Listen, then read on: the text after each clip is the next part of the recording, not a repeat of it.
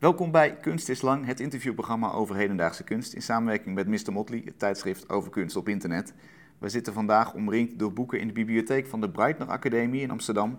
Achter mij de studenten van de docentenopleiding Beeldende Kunst en Vormgeving. Er zijn hier geen camera's, maar natuurlijk wel microfoons, dus je kunt gelukkig luisteren. Dat kan via de website van Mr. Motley, je favoriete podcastplatform Spotify of op Amsterdam FM. Een soort van oldschool, want het is wel digitale radio, maar alsnog een oude radiozender. Tegenover mij zit fotograaf Maurice van S. Hij kwam een aantal maanden geleden van de Rijksacademie, waar zijn atelier, verdeeld over de twee achterste voormalig paardenstallen, was ingericht als een jongenskamer. Met een bureautje, een bank, kasten langs de muur met daarop rommelig speelgoed. En alsof het om een tv-hoek voor eigen gebruik ging, projecties van allerlei korte filmpjes rondom Maurice. Veel rondhangen met vrienden, in de tuin, op de fiets, maar ook de conciërge van de Rijksacademie en zijn vriendinnetje kwamen regelmatig in beeld. Dit alles oogde stuitend normaal en vertrouwd, eigenlijk in schril contrast met de vaak zeer conceptuele kunst van de andere artists in residence. En toch bleef dat vertrouwde tafereel boeien. Hoe dat kan, daar gaan we het zo over hebben. Je kunt als kijker dus praktisch in het leven van Maurice stappen, maar het kan ook andersom. Je kunt bij hem namelijk een fotoboek bestellen, waarbij hij thuis komt en in je huis speurt als een soort van fotodetective naar veelzeggende details. Het worden foto's van dingen die jou misschien niet eens meer zijn opgevallen, maar wel het unieke karakter van je woning bepalen. Al die beelden samen vormen een boek dat in oplagen van slechts twee exemplaren verschijnt, eentje voor de opdrachtgever en eentje voor Marie zelf. Het is werk dat de aandacht niet op grote verhalen richt in een ver buitenland, maar op het alledaagse leven dicht bij huis. Maurice, welkom. Hallo. Leuk dat je er bent. Ja, leuk. Een van de meest ongebruikelijke inrichtingen van een atelier op de Rijksacademie, als een soort van woonkamer. Waarom dat? Ja, dat, dat was het gewoon op een natuurlijke manier geworden. Ik begon eigenlijk boeken te lezen en uh, toen bestelde ik een hele comfortabele bank om boeken te lezen. Dat was in het eerste jaar. Hmm. En naarmate het jaar vorderde kwamen er gewoon steeds meer vrienden. Dus dacht ik, nou, ik moet het voor hun ook een beetje comfortabel maken. En toen begon ik ook voor hun uh, ja, een, leuk, een leuke stoel te kopen of wat dan ook. En ja, dan konden we daar gewoon met, uh, met groepen daar hangen. Oh ja. Ja, en ja, dat was echt heel fijn, want ehm, ja, soms hadden op de Rijksacademie praten mensen een beetje serieus. En dan was het heel fijn om mijn eigen vrienden eigenlijk naar de Rijksacademie te brengen, zodat ik weer gesprekken over, ja, over ja, goede onderwerpen kon hebben in plaats van dat het te snel over de kunstwereld gaat. Uh, wat zijn goede onderwerpen buiten kunst? Voetbal? Nou, uh... gewoon ja, bijvoorbeeld of de maan is ook hartstikke leuk onderwerp. ja. ja. En dat, dat, kan binnen de Rijksacademie niet. Kun je het niet over de maan hebben? Nou, mensen zijn uh, best wel gericht op hun werk. Dus het is wel echt, ze zijn serieus aan het werk. Je hebt natuurlijk ook allerlei verschillende mensen. Je kan, niet, je kan natuurlijk niet dat over iedereen zeggen, maar heel veel mensen hebben ook gewoon heel veel fysieke arbeid en die zijn daar gewoon heel erg uh, op zo'n manier mee bezig. Ja. Maar er zijn ook mensen waarmee je over dat soort dingen kan praten. Dat zijn toevallig ook mijn vrienden geworden. Ah, kijk, mensen die iets met de maan hebben. En, en um, er stond ook heel veel speelgoed. Is dat dan ook organisch zeg maar, vanuit jouw leven gekomen? Um, dat, nou, dat, dat, leek een beetje alsof dat er neergezet was, maar misschien is dat iets... Nou, toen ik op de Rijksacademie uh, kwam, toen uh, ben ik eigenlijk mijn oude speelgoed wat ik in mijn jeugd had, ben ik weer, mijn verzameling ben, die ik in mijn jeugd gestopt was, ben ik weer compleet gaan maken. En het was echt heerlijk om dat te doen. Dan ging ik op Marktplaats, zag ik ook die speelgoed die, waar ik vroeger mee gespeeld had. Yeah. Want ik was zo stom geweest om als tienjarige jongen heel enthousiast alles te verkopen op de rommelmarkt. Hmm. Dus was ik alles kwijt. Ik was toen heel blij en nu denk ik echt stom. Ja. En, maar als ik die speelgoedjes zag, dan begon er een heel leven voor mij uh, op gang te komen in mijn gedachten. En ja, het excitement van zo'n pakketje openen, dat was gewoon echt heel, uh, heel fijn elke keer. Welke dingen bijvoorbeeld? Wat heb je gekocht? Uh, Transformers heb ik gekocht, Turtles. Ja, gewoon, gewoon allemaal dingen waarmee ik vroeger speelde. Oké. Okay. Ja, kan ik iedereen aanraden om dat te doen. Om gewoon nog eens even naar je oude speelgoed te kijken. Alleen al het kijken is al genoeg. Ja, dus, ja. dus die, die, die spanning, die, die, die kinderlijke blijdschap die je dan kan voelen als je dat hebt, die komt boven? Ja. En, ja, en, en wat ook leuk was, was dat mijn vrienden die langskwamen gingen ook met speelgoed spelen. En dat filmde ik dan. Ah ja. Vond ik wel leuk hoe volwassenen eigenlijk spelen. Dat had ik niet zo vaak meer gezien eigenlijk. Ja, want de, de speelsheid is denk ik wel een soort van thema wat er dan in allebei die, die ruimtes te zien was. Hè? De, een soort ongedwongenheid, uh, lol, een beetje kinderlijk wel. Maar ja, ik vind dat wel heel belangrijk. Dat mensen niet te veel nadenken eigenlijk uh, in het leven. En dat ze gewoon luisteren wat ze intrinsiek willen zelf. Mm -hmm. En niet dat je iets doet voor iemand anders. En ik denk dat dat wel een kwaad van deze wereld is. Dat zoveel mensen leven voor anderen. En kinderen doen dat niet zo heel erg. die, die kunnen nog echt heel erg voor zichzelf leven of een universum voor zichzelf creëren waarin ze heel tevreden zijn. En ik vind dat echt zo'n grote teleurstelling van de volwassene mens dat ze zoveel goedkeuring van anderen nodig hebben om ze goed over zichzelf te voelen. En ja, dat vind ik dan wel jammer. Zou je, is, dat, is dat jou in die eerste maanden bij de Rijksacademie bijvoorbeeld ook gebeurd? Ging je toen ook zo je Nou, was wel grappig, was- En, en, Ja, was wel grappig. In het begin dan eh, voel je een soort noodzaak om, je, om jezelf opnieuw uit te vinden of zo. Want eh, ja, de eerste dag dat ik daar rondliep, dacht ik, waarom ben ik hier? ja. ik dacht, zo getalenteerd ben ik niet. En eh, dan kom je al die mensen tegen die doen nog een beetje... ja, sommigen doen een beetje alsof ze heel slim zijn, sommigen doen heel arrogant. Dus dan denk je, ja, wat doe ik hier? ja. En, ehm, maar dan voel je al snel toch thuis. Maar in het begin, de eerste twee maanden heb ik alleen maar in de doka doorgebracht. Omdat ik eh, eh, Prins met maanlicht wilde maken en Arabische gomdrukken.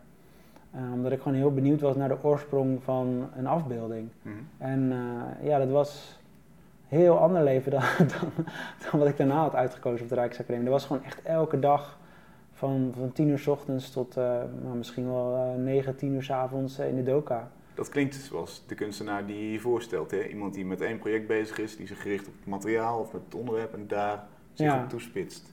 In Ja. plaats van zijn vrienden in een atelier te, te ontvangen en te spelen met speelgoed. Ja, maar ik werd er wel een beetje ongelukkig van. Ja? Ja, heel erg. En zeker ook omdat ik niet zo'n technisch figuur ben. En ik had op een gegeven moment, wilde ik een nieuwe techniek leren, maar dat mocht nog niet. Omdat ik de techniek nog niet onder controle had. En toen heb ik eigenlijk mijn gezicht nooit meer laten zien daar, in die werkplaats. Ik vond dat niet zo leuk. Dat klinkt een beetje zo'n klassieke academie waar je... Nou, nee, dat is gewoon en een hele... Nee, dat klinkt, oh sorry, dat klinkt echt een beetje eh, cru dit. Ja, het is een hele lieve man hoor, maar eh, hij was daar misschien wat rigide in. Dat hij, dat hij eigenlijk wilde dat ik, eh, ja, dat ik iets perfectioneerde. Maar Ja. daar, ik hou daar niet zo van. Als ik het een beetje kan, dan vind ik het juist leuk, want dan ben je nog een soort amateur. En dan kunnen er nog verrassingen gebeuren. En als je het helemaal kan, dan, eh, ja, dan word ik juist verveeld. Oh ja, dus dat is de, de waarde van die speelsheid. Dat er nieuwe dingen nog, nog kunnen gebeuren. Ja, sowieso. Alles ligt nog open. Als je gewoon niet nadenkt en dingen gaat doen, Mhm. ja, dan, dan kom je op, van alles. Dat is wel belangrijk om zo'n... eh, ja, maar kijk, zo'n houding, dat, dat kies je ook niet uit. Daar voel je je gewoon fijn bij. Ik word niet 's ochtends wakker en denk van, oh, dan ga ik spelen. En dat, ja, zo werkt dat niet. Dat Nee. is gewoon waar je je fijn bij voelt. Ja. En waar je altijd hebt, bij fijn hebt gevoeld als kind, toch? ja, zeker. Maar eh, ik kan me ook voorstellen dat ik, eh, toen, toen ik kind was, was ik blij dat ik ouder werd. Zodat ik dat, ik dat, dat spelen kon overslaan. Jij vond spelen niet zo leuk. Ik vond, ik vond spelen heel saai, eerlijk gezegd. Ja, dit klinkt, het gaat verder niet over mij vandaag, maar het is wel zo dat je, dat je sommige mensen die, die willen eh, vooruit, denk ik, of die willen juist iets eh, verder komen. En sommige andere mensen kunnen gewoon uren spelen. Ja, maar spelen zit ook in een manier van kijken. Dus dat je het leven in mogelijkheden ziet. Dus dat is niet alleen maar, die, die gedachte zit niet alleen maar vast aan het speelgoed zelf. Het is gewoon, ja, ik bedoel, want je kan ook heel erg denken, ja, een stuk plastic. Want het is een stuk plastic uiteindelijk. Ja, een speelgoedje. Ja. Maar eigenlijk is het iets anders door, door, de, ja, door de elementen die zijn toegevoegd of de, ja, de uiterlijkheden. Dan wordt het in één keer wat anders en dan wordt het in je hoofd ook iets anders. En, dus Mhm. dat, maar dat kan je op alles toepassen. Dat kan je ook bij, een- bij een boom kan je dat ook doen. ja. Ja, ja ik weet niet, het klinkt nu echt... eh, fantasie moet geactiveerd worden, daar, daar gaat het eigenlijk om. ja, of dat je iets ziet. Mhm. Dat, dat je echt naar iets kijkt en dat je er iets in wil zien. Ja. Wat, ehm, wat denk je dat de aantrekkingskracht is van die filmpjes die je van je vrienden hebt gemaakt? Of wat vond je daar zelf goed aan? Want ze zijn heel alledaags, zoals ik al zei. Althans, zo, ko- zo komen ze over. En toch wat, bleef ik er naar kijken. Ik, ik, ik wilde daar meer van zien. Ja, het is heel eh, energiek, denk ik. Heel levenslustig. om, eh, ja. En eh, het geeft eigenlijk alles een kans om iets te zijn dat het waard is om te filmen. Dus ook bijvoorbeeld 15 seconden lang een vriend die zijn schoenen aantrekt. Mhm. Met zijn met zijn veters een lusje maakt. Ja, dat, dat zijn toch wel toch interessante dingen om te kijken eigenlijk, denk ik dan. Juist ook omdat als je nu naar het leven kijkt, dan kan je het eigenlijk niet aan. Dan, omdat je, je hebt zelf gedachtes en ja, dan is het heel moeilijk om grip te krijgen op de werkelijkheid. En Mm. als je dan film hebt, dan zit je in, in, in, in mijn zaal, zit je dan eigenlijk, kom je best wel tot rust. En dan kan je echt naar, naar het leven kijken. En ik denk daarom wel eens dat, het, eh, dat, die film zo goed, dat die film zo goed werkte. Omdat mensen toen pas echt de rust hebben om naar het leven te kijken. En dat heb je hier niet. Als je zo met je eigen gedachtetjes en allemaal dingen dan, ja, dan heb je dat gewoon minder. Het heeft ook met selectie te maken, denk ik. Wij, wij filteren natuurlijk in het normale leven eruit wat voor ons belangrijk is. En nu zeg jij, dit is voor mij belangrijk, ga maar even zitten en kijk maar. Ja, het is niet alleen, het is niet alleen belangrijk. Het is ook, uh, ja, ik heb wel spanningsbogen aangebracht of juist onlogische ritmes. En dan weer een logisch ritme. Mm, maar dat is ook een beetje op gevoel waar. Ik zit niet echt een hele grote strategie achter, denk ik. Ja, want een fenomeen wat heel veel mensen denk ik kennen als je filmpjes maakt, als je, zodra je het op iemand richt, gaan mensen gekke bekken trekken. Ja. Ze gaan een beetje acteren. Ja, maar daar ging het werk ook wel voor mij over. Omdat in deze tijd is het zo belangrijk hoe jij je verhoudt tot de camera. Als persoon, als mens in deze tijd. Mm Nou, dan hebben we het nog niet eens over de generaties onder ons, die eigenlijk totaal een foto-identiteit hebben op Instagram. En voor ons is dat nog een beetje, ja, maar in ieder geval, je moet je toch verhouden tot die camera, omdat die gewoon overal aanwezig is. En ik vond het ook interessant om te bedenken van hoe gaat die vriend reageren op de camera. En ze hebben allemaal eigenlijk een eigen manier gekozen om erop te reageren.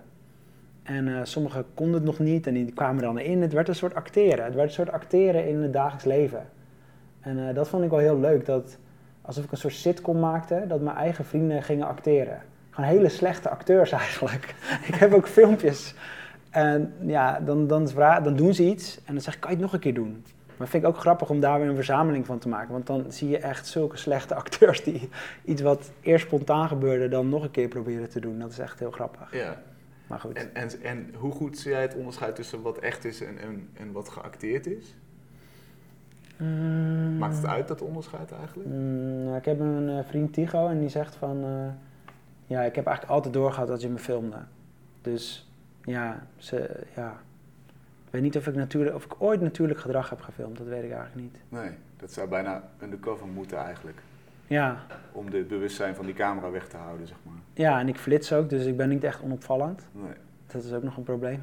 Ja, want, want um, bevalt jou de, de camera-identiteiten van je vrienden die, die je ziet? Je maakt een onderscheid tussen de echte vrienden en, en de, de camera-vrienden, om het zo maar te zeggen. Nee, dat zijn mijn echte vrienden. Zijn. Ja, ja, maar uh, hoe ze zich gedragen als er een camera bij is. Hè, dat verandert de persoon of de persona, moet je misschien wel zeggen. Ja, omdat ze zich ook misschien bewust zijn van het uh, podium. Mhm. Omdat ik alle, al mijn filmpjes heb gepost op Instagram Stories in die tijd. Ja. En ja, dan dacht ik wel eens dat mensen zich bewust werden van dat ze later dan bekeken werden en hoe willen ze bekeken worden. Ja, dat vond ik wel grappig om, uh, om te zien wat daarop hun antwoord was, als het ware. Ja. Maar ja, kijk, nu praat ik een beetje over een laag die pas nu een beetje tot me door begint te dringen. Mm. Want mijn eerste laag is gewoon dat ik een, ja, een, uh, een herinnering wil maken van hun jeugdige energie. Dat is eigenlijk gewoon de echte insteek. Vastleggen. Ja, vastleggen, gewoon heel simpel. En dan gewoon ben ik benieuwd wat over 10, 20, 30, misschien 100 jaar, als we dan echt gaan terugkijken op de mobiele telefoon. Ja, dan lijkt me wel leuk als dat werk uh, opduikt. Dan vind ik dat wel heel belangrijk. Wat mij interessant lijkt is dat, dat ik vermoed dat je dan uh, die tweede laag vergeet. Dus dat je dan niet meer bedenkt als je het beeld ziet van hé, hey, deze persoon gedraagt zich nu zo omdat er een camera op hem nee, dan, gericht is. Dat is dan zo, dat is nog normaler geworden dat dan. ben je al weg. Ja, die, die context is al verdwenen, denk ik. Maar het is wel de eerste keer dat mensen er op zo'n massale manier mee bezig zijn. Dus in die zin vind ik het voor geschied, geschiedkundig gezien wel interessant dat ik er dan een soort van op tijd bij was. Ja, Want we beginnen eigenlijk een soort van robots te worden in die zin. Ja, want uh, laten we zeggen, de eerste keer dat ik een mobieltje had en ik, ik hield hem op mijn moeder en ik zei: Dit is een filmpje, dan renden ze gillend weg. Dan wisten ze totaal niet hoe ze daarmee om moest gaan. En nu zie je al dat, dat zij snapt hoe het werkt en ze kan er een leuk filmpje van maken. Wat doet ze nu dan? Ja, dan lacht ze een beetje of ze maakt een grapje, of, maar ze rent niet weg. dus er is een soort vertrouwdheid aan het ontstaan, denk ik, met dat Ja, dat is zeker waar, ja. ja. Um, maar ja, er zitten zoveel dingen achter eigenlijk. Ook weer waar ik het net over heb, goedkeuring van anderen. Ja, het is ook weer een soort, uh, ja, ja dat, daar, moet, daar kan ik eigenlijk nog niet veel over zeggen. Dan moet ik gewoon nog even rusten en dan over een paar jaar kan ik daar rustig naar kijken. Ja, jij postte die dingen op Instagram ook, zei je, die filmpjes, dus die stories inderdaad. Dat doe je steeds minder. Ja, het is nu niet meer het moment. Dat wat, was wat toen, is er veranderd? Nou, ik vond dat toen gewoon, ik vond de zomer van 2018 was gewoon echt uh, een soort explosie dat mensen zo graag wilden laten zien hoe geweldig hun leven was. Mhm. En ik vond het ook wel grappig om daar dan de overdrijving in te zoeken. En ook heel erg te reageren op de context van de Rijksacademie, waar je eigenlijk serieus moet zijn en waar dingen een soort doel moeten hebben. Dan ging ik gewoon alleen maar fun hebben, als het ware. Oh ja. Als een soort statement ook, of iets wat ik me gewoon prettig bij voelde. Mhm. Sommige mensen maakten zich ook echt zorgen. Die, zei- die zeiden echt van, eh, doe je nog wat? En ik zie alleen maar mensen in je atelier, moet je niet werken? Ah ja. Ze hadden helemaal niet door eigenlijk dat dat het werk was. ja. Ja, dat vond ik wel grappig. Dus het had een momentum, het was voor toen het platform. Eh, zou je zeggen dat het, dat het los van die, van die academie-context en dat, dat laatste jaar daar, is het, is het dan geen geschikt platform meer? Nou, kijk, wat toen zo was, was dat de- manier van manipulatie nog niet zo doorgedrongen was tot mensen. Ik heb het gevoel dat we in de laatste zes maanden ons veel meer bewust zijn geworden van de manipulatie daarvan. En ja, dat, we, dat iedereen nu doorziet en een beetje zielig vindt of zo. Dat als iemand wil laten zien hoe geweldig eh, zijn leven is, als het ware. Ja. Dan, als ik dat nu zie, dan denk ik, oh mijn god, wat, wat heftig voor diegene dat die die behoefte heeft. ja. ja. Om het perfecte leven te, te, te schetsen, ja, te doen overkomen. ja. Wa- wa- Wat is dan de toekomst voor dat medium? Want jij zegt... Ik, ik Nou, ik, ik had het toevallig eh, met mijn vriendin eh, vandaag over. Die eh, zijn er wel een soort van mee bezig. En ze zijn, gaan nu volgens mij invoeren dat de likes weggaan. Godzijdank. En ehm, ja, wel meer dingen zijn minder zichtbaar. Want ja, ik denk dat dat hele Instagram is een soort kastensysteem. eh, wat ingevoerd is hier. Het, het bepaalt heel erg de hiërarchie van je kan zien wie wie volgt en wie niet. En ja, dan kom je iemand tegen op straat. Eh, die heb je net ontvolgd of weet ik veel wat. En dan, dan ligt in één keer die eh, internetrealiteit ligt, eh, op straat. En dan moet je je verhouden tot diegene die merkt dat er een soort spanning is. Mhm. Allemaal rare tafereelen. En ja, wat is toch duivels, dat hele Instagram. En ja, ja, ik vind het echt duivels. Tegelijkertijd kun je zeggen, het is, een, het is een manier om geïnspireerd te raken. Ik bedoel, Je hebt het zelf fotograaf, nou ja, beelden zijn op Instagram belangrijk. Komen van, komen Ja, maar joh, als jij toch geïnspireerd wil raken door beeld, fiets je toch even naar de bibliotheek. Dan kom je nog echt interessante dingen tegen. Wat kom je nou eigenlijk voor interessants tegen? En het is met heel weinig zorg gepost.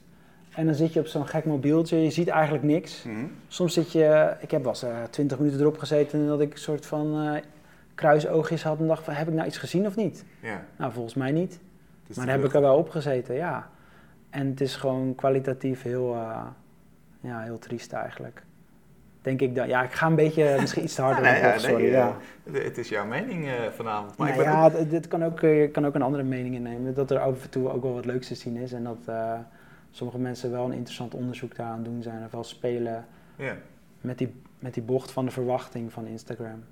Maar ik ben heel benieuwd, eh, hoe zie je als fotograaf, hoe, hoe moeten we weer terug misschien dan naar, naar de waarde van zo'n beeld? Dat het niet meer zo vluchtig is dat je misschien zelf ook op, die, op je mobiel even de tijd neemt om te kijken. Nou, gewoon voor jezelf houden. Op het moment dat je alleen al de keuze maakt om het voor jezelf te houden, dan ga je pas echt denken, ja, het, moet, het is dan toch iets anders dan dat ik voor anderen maak.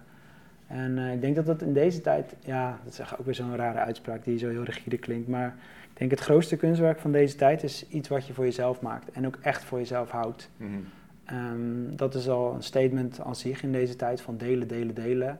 Dat hele delen is zo eh, verheerlijkt eigenlijk. Ja. Maar ja, wat schiet je er eigenlijk mee op? ik weet het niet. Ehm, ja, dus ik denk dat we daar weer naar terug moeten. Ja. En ehm, ja, ik, ik lees bijvoorbeeld heel veel eh privédomeinboeken. Dat is een uitgeverij die, eh, die hebben allemaal boeken geschreven. Dat zijn allemaal boeken die mensen voor zichzelf hebben geschreven. Dus dagboekaantekeningen of memoires. En Mhm. ja, dat is echt heel mooi om zoiets te lezen. Dat iemand echt iets voor zichzelf maakt. En dan heeft het ook... eh, ja, heel, dan, dan snap je de waarde ook wel of zoiets. eh. het komt echt heel anders binnen dan En dat je... Kun je die meerwaardes formuleren? Waar- Waar zit die meerwaarde dan in? Nou, er, spreekt gewoon liefde en concentratie uit, rust. En dat zijn wel echt belangrijke elementen, denk ik. eh, en eerlijkheid ook. Want ja, je doet het voor jezelf. ja, of je houdt jezelf voor de gek, dat kan ook interessant zijn. Maar de meeste mensen willen dan toch wel echt iets maken waar ze blij van worden of zo. Ja. Maar kan het wel? Want ik, heb- ik heb wel eens in mijn jeugd geprobeerd een dagboek. Het leek me een, het onderhouden leek me een heel romantisch idee. Ja, En ik, en ik, ik zag mezelf al tien jaar verder mijn eigen schrijfsels teruglezen, zeg maar, terwijl Ja. ik het schreef. Dus ergens zat, zat dat publiek zat dus al je in mijn schreef hoofd. aan jezelf. Ja. Dat is toch, dat is toch leuk? ja, maar dan heb je toch een publiek, dan heb je toch een bewustzijn waarvan je denkt... eh, ik dacht vooral, dit is een ongelooflijk domme zin. Of, of waarom hou ik me met zulke futiele dingen bezig. Mm, Ik zat mezelf al af te zeiken, zeg maar, tien jaar later. Oh, wauw. Dat klinkt wel streng, hè? Ik klink ik Kan het ook echt een kutje echt gehad. Zo, ja, jee. Zo, speelgoed lukte niet en dagboekje ging ook niet helemaal goed. Nee, nee maar het is, het is wel zo dat je dat, dat bewustzijn heb je dan toch. Ja. Nou, ik vind, wat is er mis met dit bewustzijn? Dat is toch leuk? Ik vind het juist leuk om eh, dingen later terug te kijken. Ook eh, alle foto's uit mijn jeugd. eh, Dat ik me dan realiseer dat mijn ouders die gemaakt hebben met een bepaald soort concentratie en echt keken. Fotorolletje weggebracht, opgehaald met, met excitement. Ja, Ja, dat soort dingen vind ik, wel, ja, vind ik wel een mooi gebaar van mijn ouders dat ze dat gedaan hebben. ja. En jij, jij zegt eigenlijk het feit dat dat geen publiek behoeft, of in eerste instantie niet, dit niet de intentie heeft tot een publiek, dat is waardevol. Dat maakt het puur. Mm, ja, ja, dat denk ik, ja. Dat past heel goed bij het idee van de fotoboeken op bestelling natuurlijk. Ja, ook, ook daar. Twee eh, exemplaren, één voor jou, één voor de opdrachtgever. Ja, ik maakte dan boeken van huis en oplage van één. En het idee ja, ontstond gewoon omdat ik... Mijn ouders gingen hun ouderlijk huis uit op dat moment. Eh, tenminste, dat, dat is nooit gebeurd, maar dat was toen dreiging. En toen had ik een boek gemaakt eh, van mijn ouderlijk huis. Dat was eigenlijk het eerste. En toen dacht ik van, nou, misschien willen meer mensen dat. En eh, toen ben ik daar naar boekenbeursjes gegaan met, zo'n, met een boek en mensen wilden dat. Ja. En eh, toen ben ik dat gaan doen. Maar steeds in de oplage van, ja, je zegt inderdaad één, is eigenlijk voor de opdrachtgever alleen maar. Hè? Maar je, volgens mij heb je, zelf, heb je dan zelf nog een kopie of hoe? Ja, ja, eentje voor mij en eentje Ja. voor hun. Ja, Dat dat is de ultieme luxe natuurlijk. Dat je iets niet, eh, niet, niet voor veel mensen maakt, maar echt een mooi product, maar wel voor één persoon. Ja, ik vind het een beetje soms ook gevaarlijk in de kunstwereld. Als je het eh, voor. Ja, dat grote publiek dat wordt zo heel erg gedicteerd door een betekenis. Heel vaak moeten mensen een betekenis zien. Nou, dan houdt het eigenlijk al op dat het kunst is, lijkt mij eigenlijk. Want dan, ja, dan gaat het niet meer over dat je vrij, je eigen vrijheid hebt om iets waar te nemen. En ik denk dat dat wel heel belangrijk is. Hm. Ehm, wat, wat, wat vroeg je eigenlijk precies? Dat het eigenlijk de ultieme luxe is dat, dat er maar één, dat er één heel mooi product is voor één persoon. Dat is, dat is natuurlijk de, de, de tegenhanger van inderdaad het, het Ja, gratis ik- delen en, en het is- Het is leuk om gewoon één iemand te hebben die het heel intens beleeft. Dan 500 mensen die eh, gewoon uit een soort drang.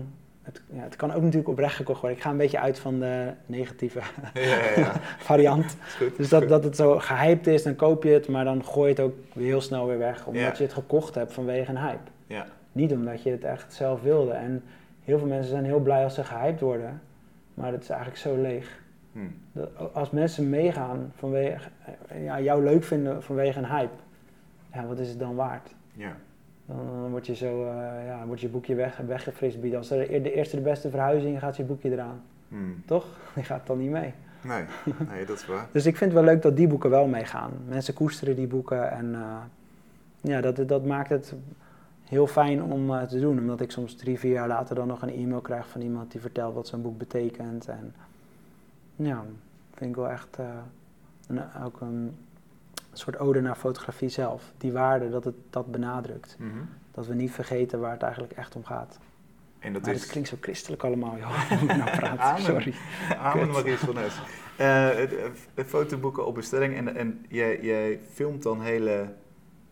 eh, eigenlijk dingen die misschien voor, voor mensen die in dat huis wonen alleen maar herkenbaar zijn. Dus bij je ouders bijvoorbeeld een wit vlekje op een blauw gordijn of een smal reepje behang dat los zit. Of een Ja. deukje op, het, op het, de frame van het bed. Het zijn meestal verhalen dan, eigenlijk. Dus zo'n oneffenheid die verwijst naar, naar vragen van wat is hier gebeurd en wanneer en dat soort dingen. En dat, de mensen die weten dat nog. Ja, En hun eh gedachten worden als het ware opengebroken. Vergelijk het een beetje met een soort duikplank, zo'n foto. Dus je ziet die foto en vanuit die foto kom je eigenlijk buiten het frame, frame naar het van de foto. Want je ziet een foto van een horloge. Nou ja, dan, eh, dan heb je weer een herinnering van...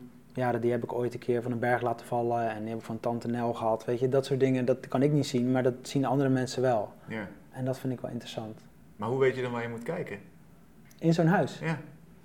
Nou ja, ik, als ik aankom, dan eh, krijg ik eerst een eh, rondleiding. Mhm. En als ik dan eenmaal... dan stel ik vragen over de dingen die ik zie. Dus dat is wel, ook wel echt belangrijk. Dat ik weet wat ik fotografeer. En als ik dan eenmaal begin, dan word ik een soort insect. Dan begin ik echt heel anders waar te nemen eigenlijk. Hoe neemt een eh, insect waar? Nou, heel gedetailleerd volgens mij. Of die, die kan, ja...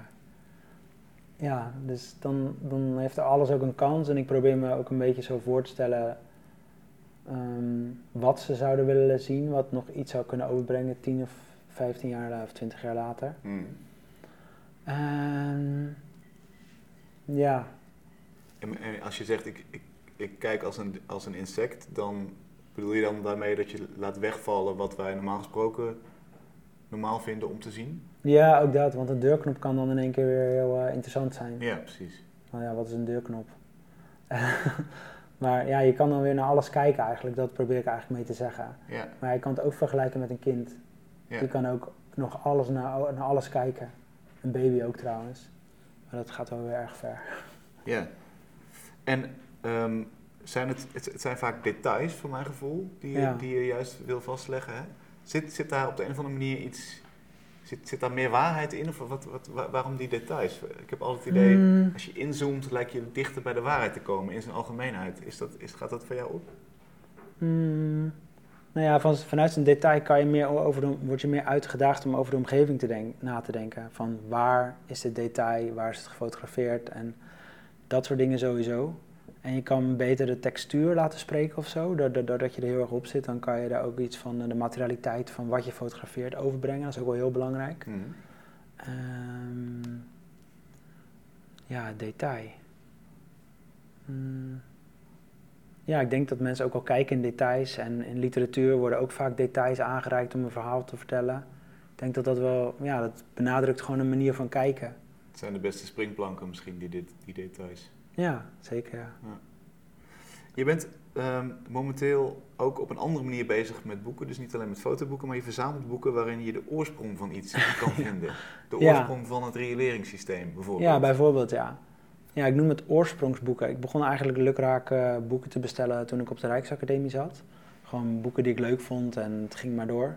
En eh, sinds, sindsdien ben- doe ik het wat eh, specifieker. En probeer ik echt de eerste boeken te vinden die bijvoorbeeld ehm, over de tuin gaan. Dus dan is er echt een supermooi boek uit de 19e eeuw.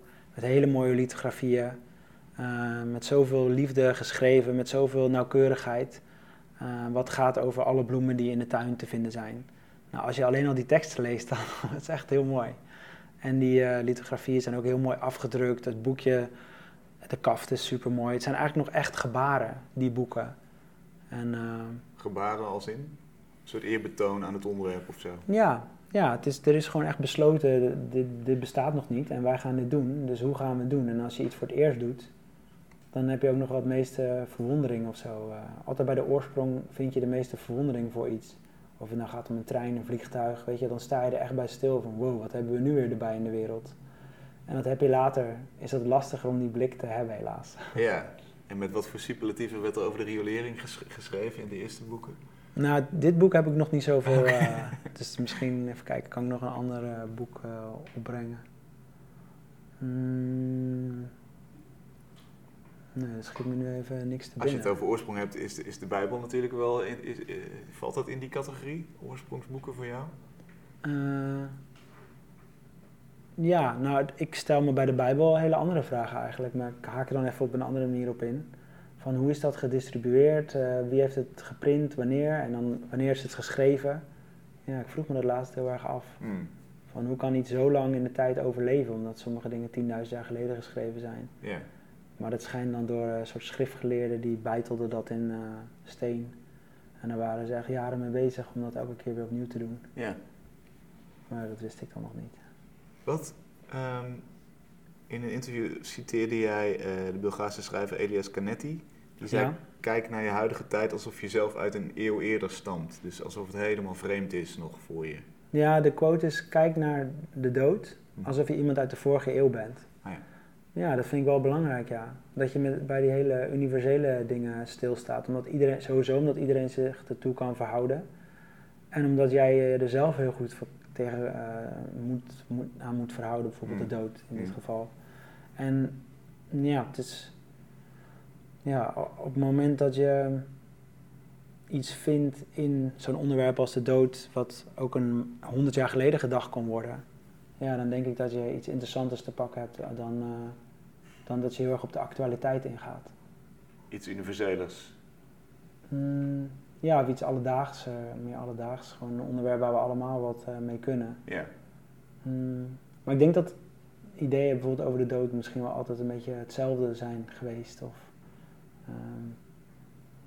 hmm. Eigenlijk, als ik je goed beluister, dan, dan zeg je, je hoeft helemaal niet ver te zoeken naar een onderwerp. Je hoeft, niet, je hoeft geen moeilijke, eh, ingewikkelde stappen te gaan eh, doormaken. Kijk gewoon wat er om je heen is. Ja, het leven zelf. Het alledaagse. Ja, het leven zelf is al ingewikkeld genoeg. Toch? Alle dingen die je moet doen en eh, die je doormaakt. Dat, ja, ik, ik- snap niet waarom mensen soms ook zo ver zoeken. Wie begrijpt zijn eigen leven? Ik, ik kan daar mijn hele leven wel mee bezig zijn. Ja. Ja. Of gewoon het menselijk leven. Uiteindelijk probeer ik denk ik toch wel een beetje misschien de mens te bestuderen of zoiets. Mm. Maar ja, ja, je kan het gewoon heel dichtbij vinden, ja. denk ik. En is dan die fotografie, want in essentie eh, ben je een fotograaf, zou, ik- zou ik denken. Is dat dan, is, is het, gaat het dan voorbij vastleggen? Want vastleggen is eigenlijk ter herinnering. Je kunt ook zeggen, het is, het is onderzoeken of het is eh, proberen te vatten. Wat volgens mij groter is dan alleen vastleggen. Hoe zet jij die fotografie in? Nou, ik, als verlengstuk van mijn ogen. Dus als, als het iets, daarom zou ik mezelf ook juist nou, geen fotograaf noemen, omdat ik met film ook kan en ik kan ook dingen beschrijven. Dus het gaat mij meer om het kijken. Ehm, maar ik weet niet of daar een term voor is. Ziener, maar wordt het weer heel ja, ziener. ik heb die laatst gelezen, Asterix en Obelix en de Ziener. Dat was wel interessant, ja. Die, Ja. die zag inderdaad alles. Ja. Nou, maar ik, ik denk dat dat dichter in de buurt komt dan eh, fotograaf, eerlijk gezegd. Ah. Ja, dus ik roep mezelf even uit tot ziener hier. Ja. Maar, ehm, wat, wat vroeg je daar eigenlijk Nou, precies over? Wat is dan, eh, ik ben wel benieuwd wat dan dat, dat zien doet. Zeg maar, wat, wat in, in, in een maatschappelijke context, zeg maar, wat, ja, is het, is het, is of, of denk ik alweer veel te breed? Misschien is het puur voor jezelf, voor je eigen genot. Een waarneming bedoel je, wat, Ja. dat, wat dat doet? Ja, Mm, ik denk dat dat eh, op dit moment niet zoveel plaatsvindt. Omdat mensen zo, ja, daar komt dat hele verhaal van de mensen die zo vluchtig leeft weer. Maar ja, weinig mensen die kijken nog echt naar, naar eh, dingen. ja, Ik had dan laatst met Hans Aarsman eh hadden we een workshop bij, eh, bij- in een ziekenhuis. En hij had dan een hele mooie oefening dat je dan vijf minuten naar één object gaat kijken. Mm. En dan schrijf je eigenlijk gewoon objectief op wat je ziet.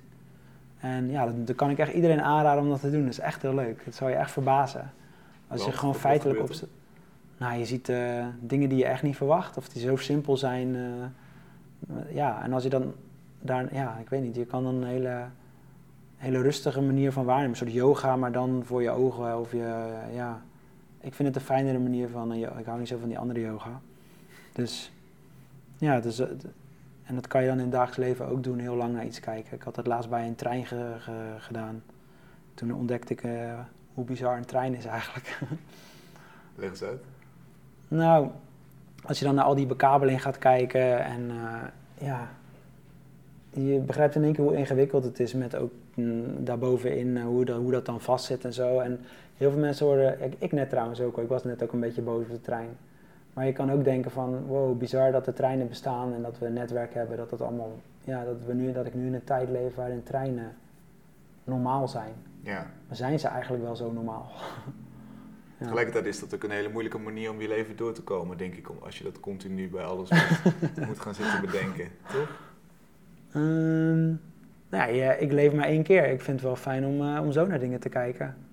Ik vind dat wel een eh, zinvolle eh, levensinvulling. Ik zou eigenlijk geen zinvolle kunnen bedenken. Dat heeft eigenlijk weer te maken met het idee dat je zegt van eh, eh, wat je doet is bedoeld om op anderen indruk te maken. Hè? Ja.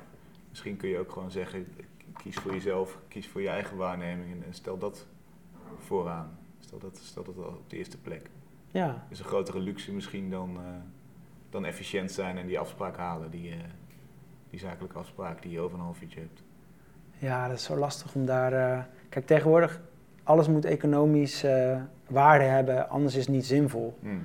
Dus in die manier, ja, op die manier is dat dan wel een antwoord daarop. Dat, ik dat, dat ik het daar niet mee eens ben. Dat het niet economische waarde hoeft te hebben voordat iets zinvol is. Maar bijvoorbeeld ook die video's, ehm, dat, dat werk en dat, dat goede kijken, wat, wat jij dan misschien doet en vastlegt. Hoe kun je dat met een digitaal medium zoals dat ook aan het publiek verkopen? Want het publiek gaat het misschien net zo goed kijk daar net zo lang naar als naar die reclame voor, uh, voor ondergoed of zo die in je Instagram feed zit. Hoe, hoe, hoe, hoe, probeer je toch die aandacht en die concentratie in dat digitale medium te krijgen? Mm, ja, ik weet niet of ik dat uh, wilde. Dat, uh, Zou het kunnen, denk je? Ja, misschien heb ik soms wel eens spectaculaire dingetjes gepost of zo, kan je dan doen. Dus dan zien mensen iets geks en dan blijven ze langer kijken. Dat kan je doen. Waarmee je eigenlijk dus meegaat ook in het systeem van, van vluchtigheid. Ja, zeker ja. Ik weet het niet of wel, ontsnappen ja, Ik vind het ook wel eens jammer hoor, dat ik niet gewoon uh, meer van die hele saaie filmpjes heb gepost daar. Maar aan de andere kant vind ik dat ook weer zo'n, uh, dan lijkt het ook weer zo'n heel ding. Dat ja, is ook een statement dan? Ja. dat doet, toch? Ja, inderdaad. Maar een beetje ja, te veel een statement of zo. Ja. ja. Hoe gaan we daar weer, hoe, gaan we daarvan terugkomen, van die, dat, die, die, die vluchtige digitale wereld? Heb je daar ideeën over of is dat... Nou ja, ik denk dat, uh, dat we al een wereld in de jaren 60, 70 hadden die gewoon prima was. Um, ook bijvoorbeeld Tinder, dat je, dat je, je komt... In die tijd kwam je gewoon iemand tegen in een café. Je keek elkaar aan, je danste met elkaar. Nou, eh, weet ik wat er allemaal nog meer gebeurde. Maar in ieder geval, soms kwam je dan iemand drie weken later weer tegen. En dan had je dat excitement van, wow, daar is die persoon weer. En dat soort dingen. Mm. Ja, dat is nu, dat is toch een perfecte systeem om liefdevol bij elkaar te komen wat, wat, zijn we nu aan het doen dan? We hebben een soort uh, ja, McDonald's gemaakt van, uh, van liefde door Tinder. Uh, ja, het, ja, ik weet het niet. het is natuurlijk ook leuk, want we zijn volgens mij op zoek, zoek naar zelfdestructie. Dat, daar gaat deze tijd een beetje over, waar we nu in zitten. Ja, denk ik wel. Ja? Ja, ik denk dat we daar wel de, de, de randen van aan het opzoeken zijn, ja. Maar, Alle maar facetten. Of, of ja, nou, misschien zijn we toe aan een oorlog of zo. Ik weet niet, zodat we weer begrijpen wat belangrijk is. Dit zijn wel de stevige uitspraken.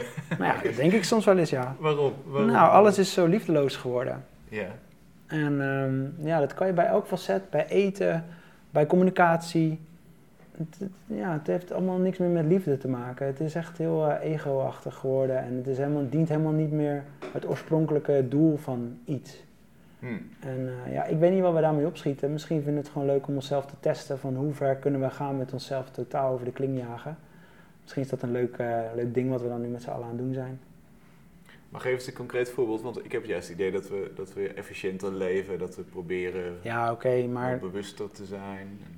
Ja, die, tuurlijk, de tegenbeweging is al in gang gekomen. In 2010 was die al in gang gekomen. Alleen die vindt niet echt ja, misschien bij onze vrienden kom je dat dan tegen, maar bij de grote massa leeft dat helemaal niet. Hmm.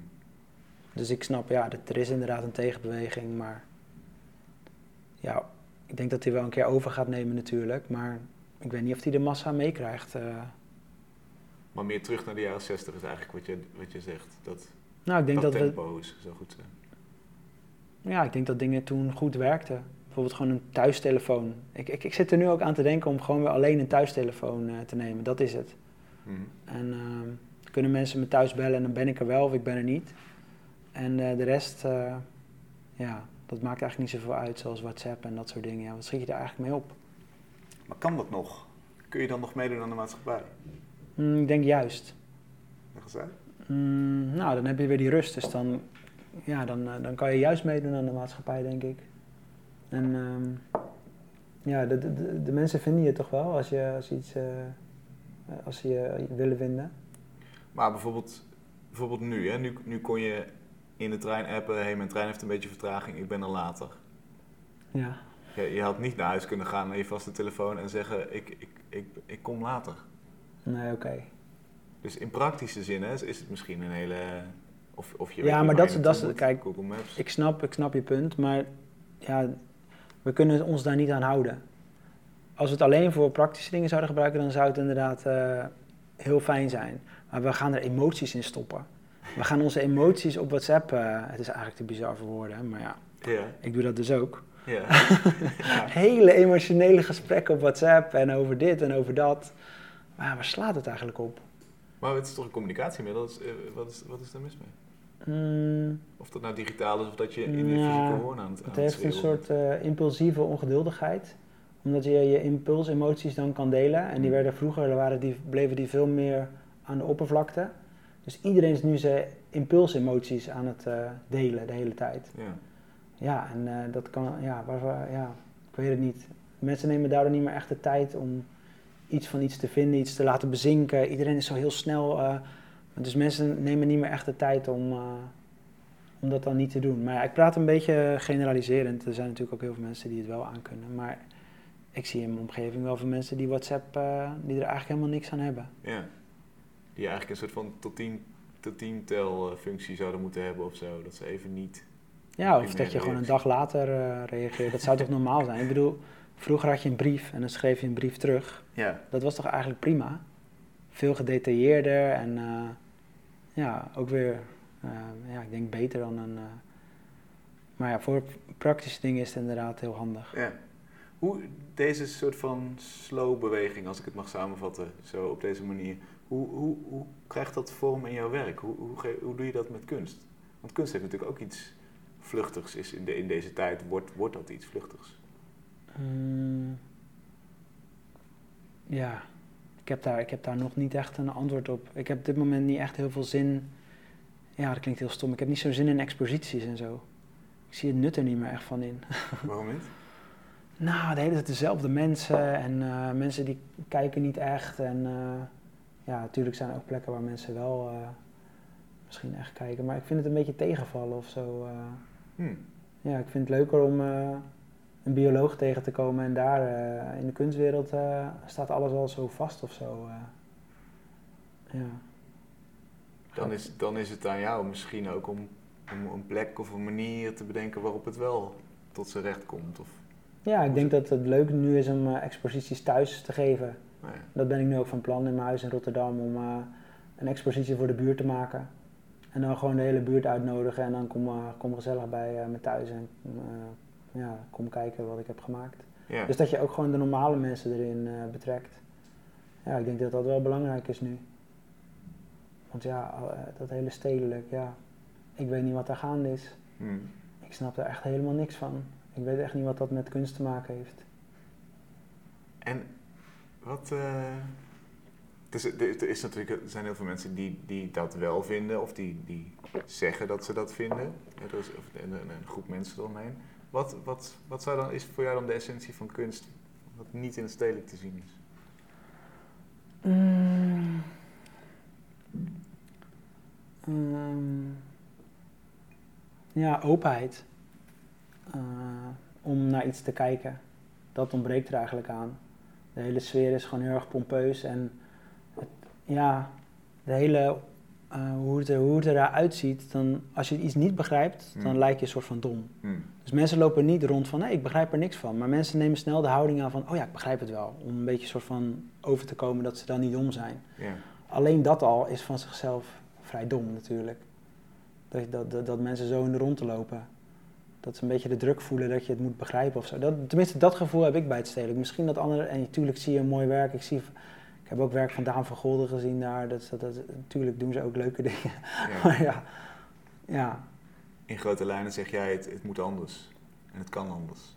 Nou, ik denk dat de kunstwereld echt aan iets heel anders toe is nu. Ja. En ik denk dat we echt op een. eh, ja, ik vind het misschien wel leuk ook om het een beetje eh, scherp aan te zetten. Maar ja, ja ik, weet, ik weet niet of het nog echt goed eh, werkt op deze manier. Ik denk dat mensen het best wel moe van zijn geworden zoals het nu werkt. En zoals jij dan in je atelier in, in de Rijks presenteert, is, is, is dat de, Ja, dat vind ik een goed antwoord. dat is de manier, het, persoonlijke erin leggen. Nou ja, dat, daar ben ik niet de eerste in. Of tenminste, daar ben ik niet de enige in. Nee. Dat doen, dat doen heel veel mensen. Mm, ja, maar wel meer gewoon het leven zelf laten spreken en ook eh, toegankelijk houden. En eh, niet te veel. eh, ja, nu heb ik, heb ik het vandaag te veel uitgelegd eigenlijk, want nu, anders ben ik ook een soort stedelijk tekst. Nee, nee, je bent geen stedelijk tekst. Oké, fijn. Eh, waar zit dan voor jou het verschil tussen het echte leven, whatever that may be, en, en de kunst? Wat, wat voeg je toe aan het echte leven? Hoe manipuleer jij het echte leven zodat het kunst wordt? Mm, ja, ik weet, ik weet eigenlijk niet of dat mijn, eh, mijn invalshoek Ik denk niet dat ik dat eh, wil doen. Dat ik kunst wil maken. Ik wil gewoon iets maken waar ik zelf door geraakt word. Ja, dat is. Ik, ik- ja. Ik heb niet echt de behoefte om, eh, om kunst te maken. Maar het zit in een kunstcontext natuurlijk. Dat is, mo- moet je daar dan iets mee? Of doe je daar iets mee? Los van of je het zelf wil, maar ja, hè, waar, waar je dingen laat zien, dat, ja, dat is nou helemaal die kunstcontext. Hou je daar Mm, rekening mee? ja, maar de kunstcontext was van oorsprong ook eigenlijk een hele goede context. Want dat ging gewoon over mensen die naar een museum gingen, rustig gingen kijken en alles was nog ja, een soort van. oh, Het, idee aan zich is op zich natuurlijk goed. Ehm, ja, wat, wat, wat was precies de vraag? Hou je rekening met, met de kunstcontext waarin je werk gezien wordt als je het maakt? Ja, ik vind het wel leuk om een beetje een soort van spotten mee te drijven misschien. Maar ja, dat, dat zien ook heel veel mensen niet. Dus waarom zou ik het eigenlijk zeggen? Dit, eh, als, als mensen dat niet zien, dan is het er ook niet. eh. Ja. Ehm, ja. Maar ja, in de context van zo'n Rijksacademie vind ik het wel heel leuk om een soort levenswerk te maken. Werk wat over het leven gaat. ja. En als je, dat dan, als je dan eerst drie ateliers hebt gehad met allemaal steriele objecten. En dan kom je in één keer in een soort van in het leven terecht. Ja, dan vind ik dat wel, eh, vind ik dat wel prettig of zo. Ja. Mm, maar de kunstcontext. Ja, je verba verbaast mensen dan ook. Want sommige mensen die kwamen echt voor een schilderij. Dus die kijken dan boos je ruimte en dit is geen schilderij. ja. Nee, dat klopt. En dan gaan ze weg. Wie heeft dat veel goed hier laten slingeren? zeg. Ja, bijvoorbeeld dat soort dingen. Of mensen dachten dat het geen eh, expositieruimte was. Ook best wel aardig wat mensen. Ja. Die echt dachten van, wat is dit voor eh, rotzooi. En dat is ook leuk, toch? En dan heb jij je doel bereikt. Nou ja, doel bereikt, ja. Ik vond, het- ik vond het wel leuk dat sommige mensen ook geïrriteerd raakten van de ruimte. Dat is toch, maar ja, dat, dat, maar aan de andere kant, in andere ruimtes zijn ook mensen geïrriteerd. Dus overal zijn mensen geïrriteerd. toch? Dat is waar.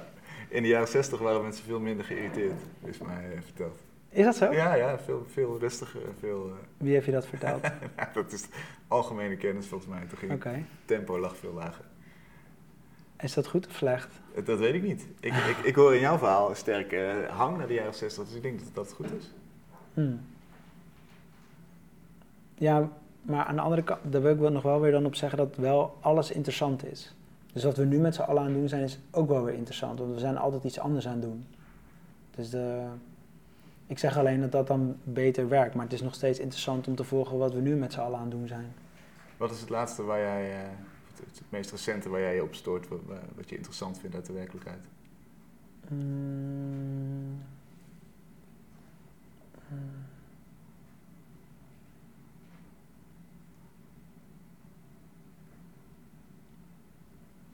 Waar, waar- waar ik mee bezig ben? Of, eh? Ehm, ja, ik ben verliefd. Dus dan, eh, dan ben je daar heel veel mee bezig. Mhm. Ja, dat is eigenlijk bijna het enige wat me nu bezighoudt. Omdat dat gewoon het leven is wat zich nu voltrekt. Ja, dus dan neem ik daar heel erg de tijd voor. Ja. Ja, dat vind ik trouwens ook wel belangrijk. Dat je zelf bepaalt als mens hoe lang je ergens de tijd voor neemt. Dus als er iemand overlijdt in deze maatschappij, mag je dan één dagje rouwen of zo? Echt, waar slaat, het- waar slaat het op? Toen mijn opa overleed, dat was dan de eerste persoon in mijn leven die doodging. Toen ben ik gewoon een half jaar niet naar, eh, naar school gegaan. Omdat ik dat gewoon rustig voor mezelf wou verwerken. Hmm. En ik denk dat iedereen zijn eigen tijdspannen heeft en hoe die dingen kan verwerken. En ik vind het eigenlijk best wel raar dat dat, dat, ja, dat, dat dan bedacht is voor ons of zo. Dat, dat, dat, dat binnen één dag moet je dan weer op je werk verschijnen. Terwijl volgens mij heb je gewoon even tijd nodig om na te denken wat de dood betekent. En wat het leven betekent daarmee ook. eh. Ja. maar we moeten dan weer door. En, Waarom eigenlijk ook echt? En, en nu ben je dus fulltime verliefd, ja, eigenlijk. dat is ook, eh, ja, dat is ook heel wat, ja. lijkt, me, lijkt me fijner dan rouw. Nee, Een, een half jaar verliefd zijn is leuker dan een half jaar rouwen, denk ik. Ja, nee, dat is dat. Ga- hoe- Nou, nee dat, nee, dat vind ik eigenlijk niet. Ik Nee? denk dat, eh, dat iedereen zich gewoon levend wil voelen uiteindelijk. Dus dat alles, ja, en het, ja, dat alles wel interessant is om, om te voelen. Uiteindelijk wil je gewoon wat voelen. Hoe gaat dit werk opleveren, denk je? Deze verliefdheid. Verliefdheid, ja. Nou ja, ik, ik film wel, ik film haar wel. Dus het is wel een hele grote, lange film. Ja. Mag het dan in de bioscoop dat we het groot kunnen zien, ook die, die, die verliefdheid? Niet op Instagram? Mm, ja, het zou kunnen, ja, dat dat in een bioscoop. eh, ja, ik weet niet. Ik, weet, ik denk niet dat dat gebeurt trouwens hoor, maar het zou kunnen. Lijkt me wel leuk, met aandacht. Ja. Pakje popcorn erbij. Naar Nou, kijken. Nu wil ik het ook. Goeie. Ik kijk er naar uit. Dankjewel Oké. Maurice. Leuk dat je er was. Tot zover Kunst is Lang voor deze week. Als je meer wil zien van Maurice en zijn werk, ga dan naar mrmotley.nl slash radio. Vind je deze podcast leuk, raad hem dan bijvoorbeeld eens aan iemand anders aan. Dat vinden wij weer fijn, want dan vinden we een nieuw publiek. Tot volgende week.